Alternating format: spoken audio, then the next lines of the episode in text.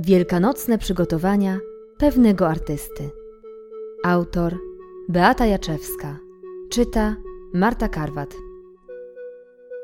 Żył sobie artysta w ruchliwej stolicy. Miał swoją pracownię w bogatej dzielnicy. Jego prace były dość ekstrawaganckie. Zdobiły salony bardzo eleganckie. Zwykle tworzył rzeźby przedziwnych zwierzaków, pierzastych jaszczurek i z uszami ptaków, żółwi na dwóch łapach, pływających kotów. Każde połączenie był wyrzeźbić gotów. Wszystkie jego dzieła ludzie uwielbiali. Cokolwiek wyrzeźbił, chętnie kupowali. Był bardzo bogaty, miał spory majątek.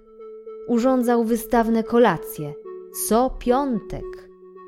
Ludzie go lubili, damy podziwiały. W jego towarzystwie ciągle chichotały. Choć był dosyć szczupły i w szpic nosił brudkę, miał dość długie ręce i spodnie przykrótkie. Bardzo często nosił dwie różne skarpety.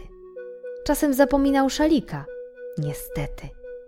Miał piękne koszule i buty ze skóry i nigdy, przenigdy nie bywał ponury.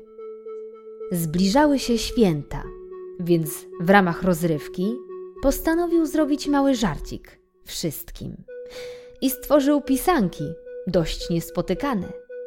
Miały różne kształty, były malowane. Jaki kształt ma jajo, to rzecz oczywista, lecz o nim zapomnieć chciał ten nasz artysta. Nowoczesne jajka całkiem inne były. Od razu uwagę na siebie zwróciły. Miały różne formy, wręcz zaskakujące. Niektóre sześcienne, płaskie, falujące. Były piramidy, walce, stożki, rurki, gładkie, chropowate. Czasem miały dziurki. Ludzie Łatwo zgadnąć. Byli zachwyceni, jak młody artysta tradycję odmienił. Pisanki zostały natychmiast sprzedane. Przez wszystkich klientów bardzo podziwiane. Artysta odetchnął. W pracowni posprzątał. Całe popołudnie dość mocno się krzątał. Do świąt pozostało czasu bardzo mało. Jemu przygotowań troszeczkę zostało. Gdy wrócił do domu i założył kapcie, zaprosił do siebie swą kochaną babcię, usiedli przy stole w kuchence przytulnej i zgodnie zabrali się do pracy wspólnej. Babcia nauczyła kochanego wnuka, jak robić pisanki, choć trudna to sztuka. Barwili skorupki i wzorki drapali, na mnóstwo sposobów jajka ozdabiali. Nasz miły artysta w sobotni poranek miał gotowy koszyk przepięknych pisanek.